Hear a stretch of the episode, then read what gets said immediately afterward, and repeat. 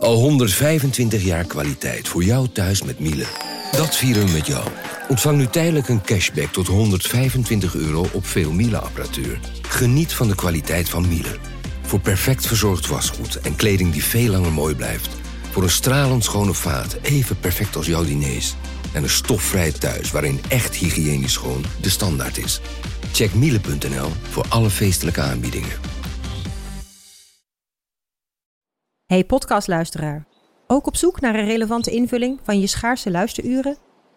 Tune dan in op de podcastserie ESG, even samengevat van BNP Paribas. Wij, Marloes en Aldert, spreken daar duurzame voorlopers en wereldverbeteraars. Waarover dan? Nou, bijvoorbeeld of we ooit duurzaam kunnen gaan vliegen. En waarom koeien in de stad nou een goed idee is? Dat en meer elke twee weken in een nieuwe aflevering. Dus abonneer je. ESG, even samengevat.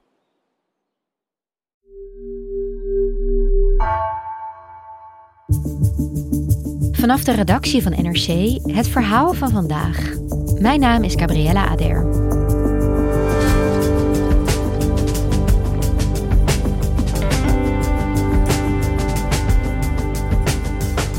Op onverwachte wijze veroverde Feyenoord gisteren de landstitel. Ondanks de financiële uitdagingen, de onervarenheid van de spelers en de lage verwachtingen, wist Feyenoord de concurrentie af te troeven. Redacteur Steven Verseput ziet hoe deze underdog na een moeilijke start toch landskampioen werd.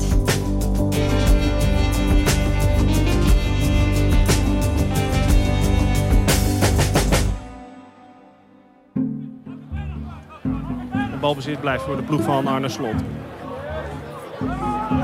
Pereira draait knap weg. Het is begin juli 2022. De voorbereiding van Feyenoord start op het nieuwe seizoen. En ze spelen een oefenwedstrijd tegen FC Kopenhagen. Op Varkenoord, het trainingscomplex. Er zit 5000 man publiek. Het is de eerste wedstrijd in aanloop naar het nieuwe seizoen. En het is een moment voor de coach om te kijken hoe de spelers ervoor staan. Ja, dan zit hij Feyenoord ook in het nieuw gestoken. In een nieuwe tenue staan ze op het veld. Een nieuw tenue voor het seizoen 22-23. Met een kraag. Veel jeugdspelers, een beetje onwennig nog allemaal. Ze zijn nog niet allemaal fit. Ze komen eigenlijk net terug van vakantie. En is het al vroeg in de wedstrijd Victor Christiansen die Kopenhagen op een voorsprong zet. Het is nog gewoon heel erg zoeken naar, naar een balans. Dan toch 0-5 in de 45ste minuut. Ja, de ene naar de andere goal valt. 0-6 uit de counter. En je ziet gewoon dat Feyenoord er nog helemaal niet klaar voor is. Ja, dan wordt dit 0-7. Ja, 0-7. Het is natuurlijk een momentopname. Oefenduels zijn er ook om te verliezen. Maar 0-7 is wel heel veel. Na precies 90 minuten fluit hij af. Feyenoord opent de oefeningscampagne matig. Laten we daar maar op houden. En het zorgt wel voor druk op de organisatie. Het doet ook iets met de verwachtingen rond de club. Voetbal International, het voetbalblad voor eh, de liefhebber, deed een rondje langs allemaal experts. Twaalf experts zelfs. En geen van hen zei uh, dat Feyenoord kampioen zou worden. Ook voor de nummer twee zelfs niet. Het was allemaal Ajax-PSV of PSV-Ajax. Maar Feyenoord verwachtte niemand als titelkandidaat. En toch, tegen alle verwachtingen in, uh, is Feyenoord uh, kampioen geworden. En samen met mijn collega Joris Kooijman ben ik gaan kijken hoe Feyenoord deze titel kon veroveren.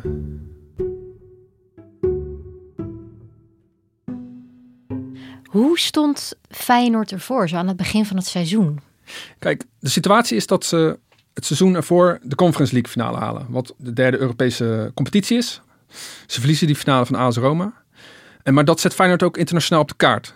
Veel spelers komen in de belangstelling. Zeven spelers die in de baas stonden in die finale vertrekken. Luis Sinisterra vertrekt, de linksbuiten. Zorgt voor veel goals en assists. Gaat voor 25 miljoen naar de Premier League, naar Leeds United. Marcos Senesi, een heel belangrijke verdediger, vertrekt. Aantal echt belangrijke spelers vertrekken. In totaal zeven spelers uit de basisploeg. Ze halen zo'n 70 miljoen euro binnen aan uh, transfergeld voor die spelers. Maar ze kunnen niet alles herinvesteren. Ook omdat het financieel niet zo goed gaat met de club al langere tijd. In de jaren daarvoor verkochten ze eigenlijk heel weinig spelers. Haalden ze gewoon weinig geld op op de transfermarkt. Maar Feyenoord is een structureel eigenlijk best wel armlastige club. Commercieel halen ze niet zoveel uit de markt.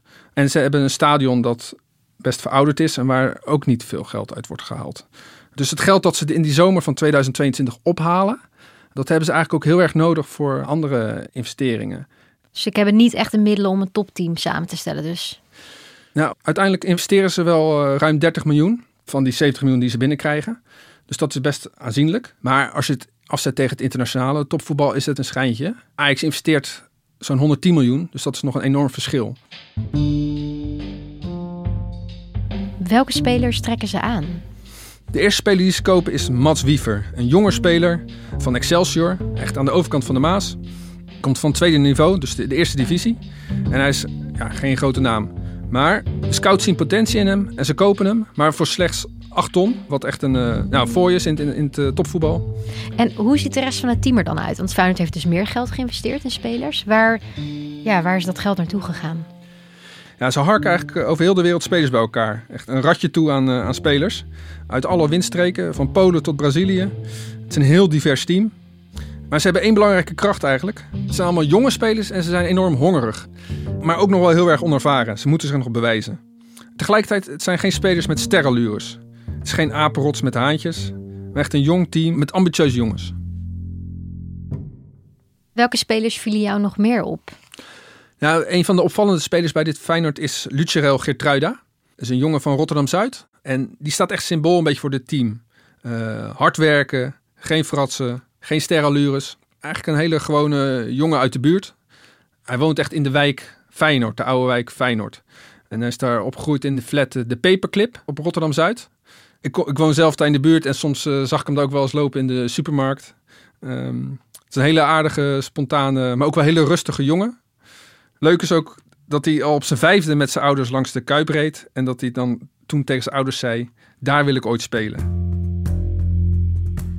En er is één man die al die spelers uh, bij elkaar moet brengen. En dat is Arne Slot, de coach, de hoofdtrainer. Ja, want wat is dat voor man? Arne Slot is een zeer talentvolle trainer, nog vrij jong. Hij heeft eigenlijk heel snel carrière gemaakt als trainer.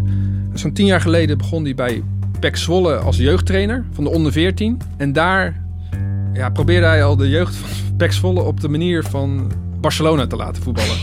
ambitieus? Enorm ambitieus, ja. Echt volgens het tiki-taka-principe, volgens de zeer gewaardeerde coach uh, Pep Guardiola dat tekent heel erg hoe hij, hij werkt. Met die jonge spelers van 13, 14 jaar ging hij ook al echt wedstrijdbeelden bekijken. Wat ze beter moesten doen, wat ze beter konden doen.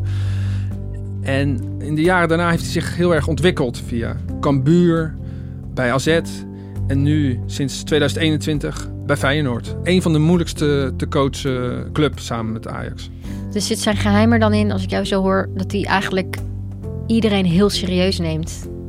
Absoluut, ja. Hij wil eigenlijk gewoon vooral ook spelers die jong zijn, hongerig zijn, kneedbaar zijn. Die ook vooral heel hard willen werken. Die echt zijn perfectionisme, zeg maar, aankunnen. Er zal nooit een dag voorbij gaan dat ik niet aan voetbal denk. Nee. Dat vertelde hij vorig jaar in de podcast met Open Vizier. Iedereen heeft verstand van tactiek. En als je het zelf niet hebt, heb je genoeg assistenten die dat uh, voor je kunnen bedenken. Dus de grootste verschil wat je volgens mij nog kan maken, is hoe je met mensen omgaat. En dan heb ik het er niet alleen over dat je de verjaardag van de vrouw of van de kinderen onthoudt. Maar juist hoe je ze met elkaar laat samenwerken en hoe je, en hoe je ze het gevoel geeft dat, uh, dat ze hard blijven werken en dat ze, dat ze met heel veel plezier en zin naar training gaan. Dat ze het gevoel hebben dat we met elkaar op de goede richting zitten. Hij staat bekend als echt een didactische leraar-trainer. Hij uh, komt ook echt uit een docentenfamilie. En hij is de meester van het beïnvloeden. Dus op allerlei niveaus probeert hij die spelersgroep zo te fine-tunen dat alles precies op zijn plek valt. Bij mij komt denk ik wel tactiek eerst. Want op het moment dat we een duidelijke tactiek hebben, dan weten de jongens waar ze in moeten gaan geloven. En dan vervolgens komt het overtuigen. Of het wordt indoctrineren, zou je kunnen noemen. Die komt iets minder populair over. uh, maar uh, dat is eigenlijk wel wat je constant aan het doen bent. Ja, hij staat heel erg voor aanvallend, attractief voetbal. Met veel druk op de tegenstander. Daarin zie je echt zijn hand bij alle clubs waar hij heeft gewerkt. Uh, hij is daarom ook niet een coach die nou de arm om de schouders van de speler legt. Hij is heel erg doelgericht met voetbal bezig. Als je met hem praat, gaat het ook altijd over voetbal. Hij heeft ook een eigen databank opgezet met de andere trainer. Met videobeelden van bepaalde spelsituaties die hij dan terugkomen in wedstrijden. Zodat hij aan spelers kan laten zien: dit is wat ik van je verlang. Hier moet je op letten. Ehm, dat is ook waar spelers heel erg uh, toe aangetrokken zijn. Dan valt dat kwartje ook bij spelers van, oh, dat, dat bedoel je. En werkt die tactiek ook? Nou, zijn strategie werkt nog niet meteen. Het kost even tijd om het op te bouwen. Feyenoord verliest in het begin van het seizoen ook best een aantal wedstrijden.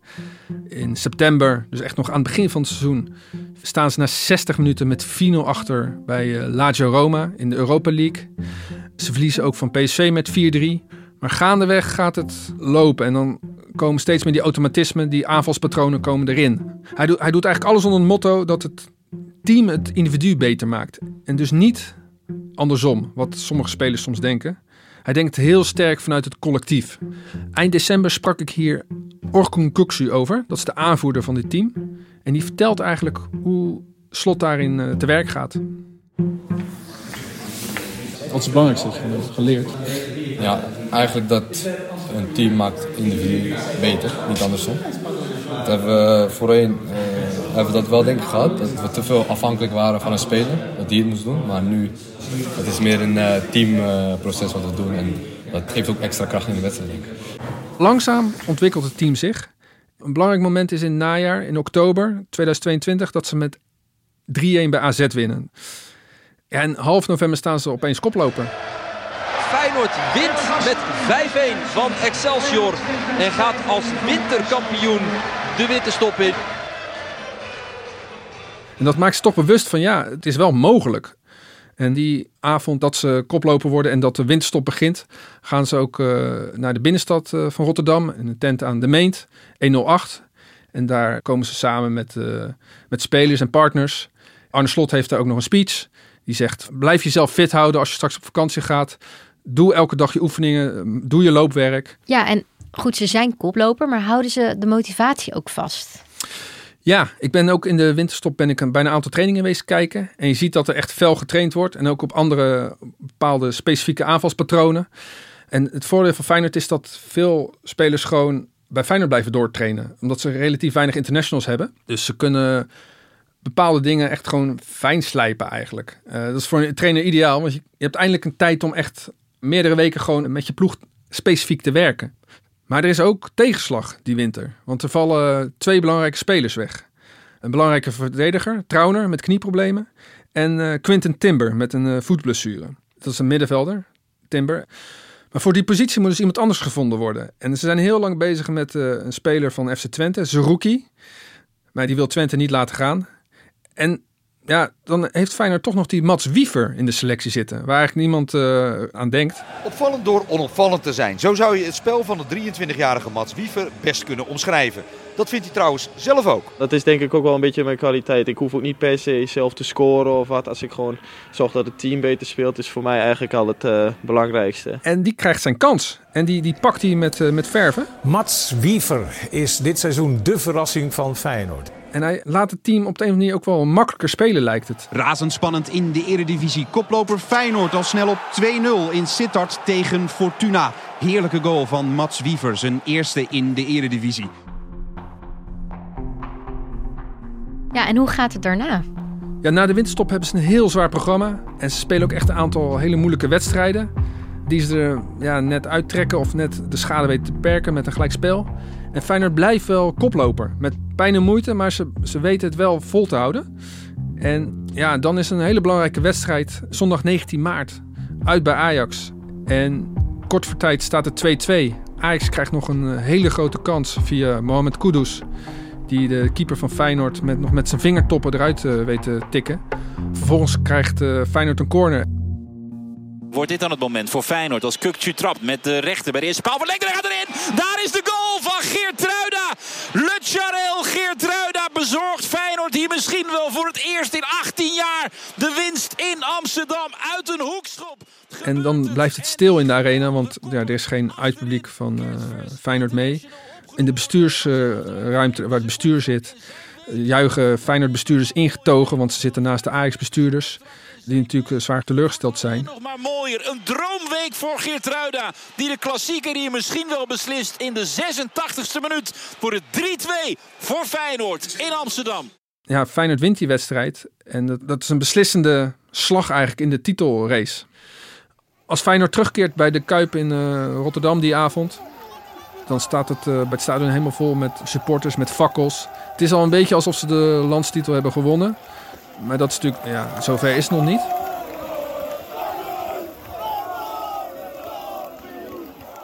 Maar toch, tegen alle verwachtingen in, komt dat kampioenschap in zicht. Ja, dan wordt het opeens eh, heel reëel. Er zijn nog best wat aantal wedstrijden te spelen, maar het programma van Feyenoord is relatief makkelijk. En eigenlijk ligt de weg naar de titel op dat moment open. Maar het is wel aan coach Arne Slot om dan uh, iedereen scherp te houden. Om er niet te makkelijk over te gaan denken. Want juist deze ploeg moet het hebben van, van hard werken. Dus in DNA van deze club om hard te werken, om te blijven gaan. Met de fysieke cijfers gezien. Die jongens hebben ongelooflijk veel gegeven. In elke persconferentie zegt hij: We moeten heel hard werken om goede resultaten te halen. Het komt ons nooit makkelijk toe. En we weten heel goed hoe hard we hebben moeten werken, hoeveel we goed hebben moeten doen om hier te komen. Nogmaals, ze hebben wel hard gewerkt en ze hebben ook geprobeerd de wedstrijd te winnen. Nou, dan weten we ook dat we dat uh, moeten blijven doen. En dan zei Michael Jordan ooit: Hoe harder ik ging werken, hoe meer geluk ik kreeg.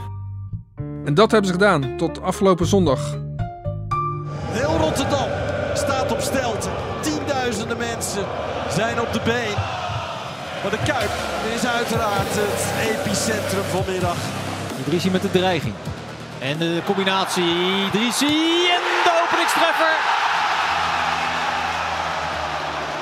Paisao, beweging, Jiménez los. Jiménez 2-0. Hij kan niet stoppen met het maken van doelpunten. Doet het dus ook. Paisao draait handig weg. Paisao! Prachtige goal. En een marge van drie. De huldiging gaat langzaam beginnen. Het podium is opgebouwd. Selectie klaar. Podium vol. De Kuip in afwachting. De stad volmaakt gelukkig.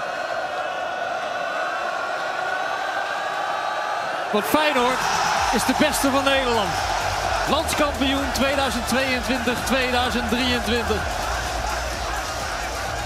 En Steven, kijken we dan nu naar het nieuwe Feyenoord? Ik bedoel, denk je dat dit een eenmalig iets is? Of zal Feyenoord het kunnen volhouden, denk je? Kijk, dit succes hangt voor een groot deel af van de coach Arne Slot. Hij heeft dit team echt helemaal gevormd. En het is natuurlijk de vraag of hij gaat blijven, want internationaal is er veel interesse voor hem. En ja, als hij verdwijnt, valt echt een beetje het fundament onder deze ploeg weg. En ook eigenlijk voor, voor een deel onder de club. Daarna speelt het mee dat het bij Feyenoord eigenlijk altijd wel onrustig is. Ja, nu niet, omdat er succes is. Maar op de achtergrond is de organisatie van de club best wel problematisch. Er is weinig geld, er is strijd over wie het voor het zeggen heeft. Supportersproblematiek. Dat weten ze nu allemaal bij het team te houden. Maar op de achtergrond speelt dat nog altijd wel. En zeker als succes mogelijk weer minder wordt. Dus nu Feyenoord kampioen is geworden, is het wel de vraag hoe het straks verder gaat. Hoe duurzaam is dit succes nou precies? En daarbovenop is natuurlijk de vraag: deze ploeg gaat ja, weer in de belangstelling komen. Spelers zullen transfers willen maken. De marktwaarde van spelers is gestegen. Ze zullen meer geld kunnen verdienen op andere plekken.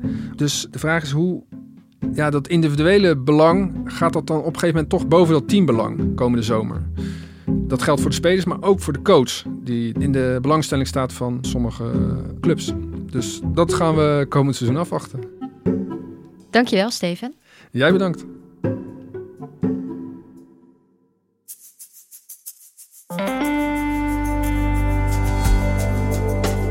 Je luisterde naar vandaag, een podcast van NRC. Eén verhaal, elke dag. Deze aflevering werd gemaakt door Nina van Hattem en Jan-Paul de Bond. Coördinatie door Henk Ruigrok van de Werven. Dit was vandaag, morgen weer.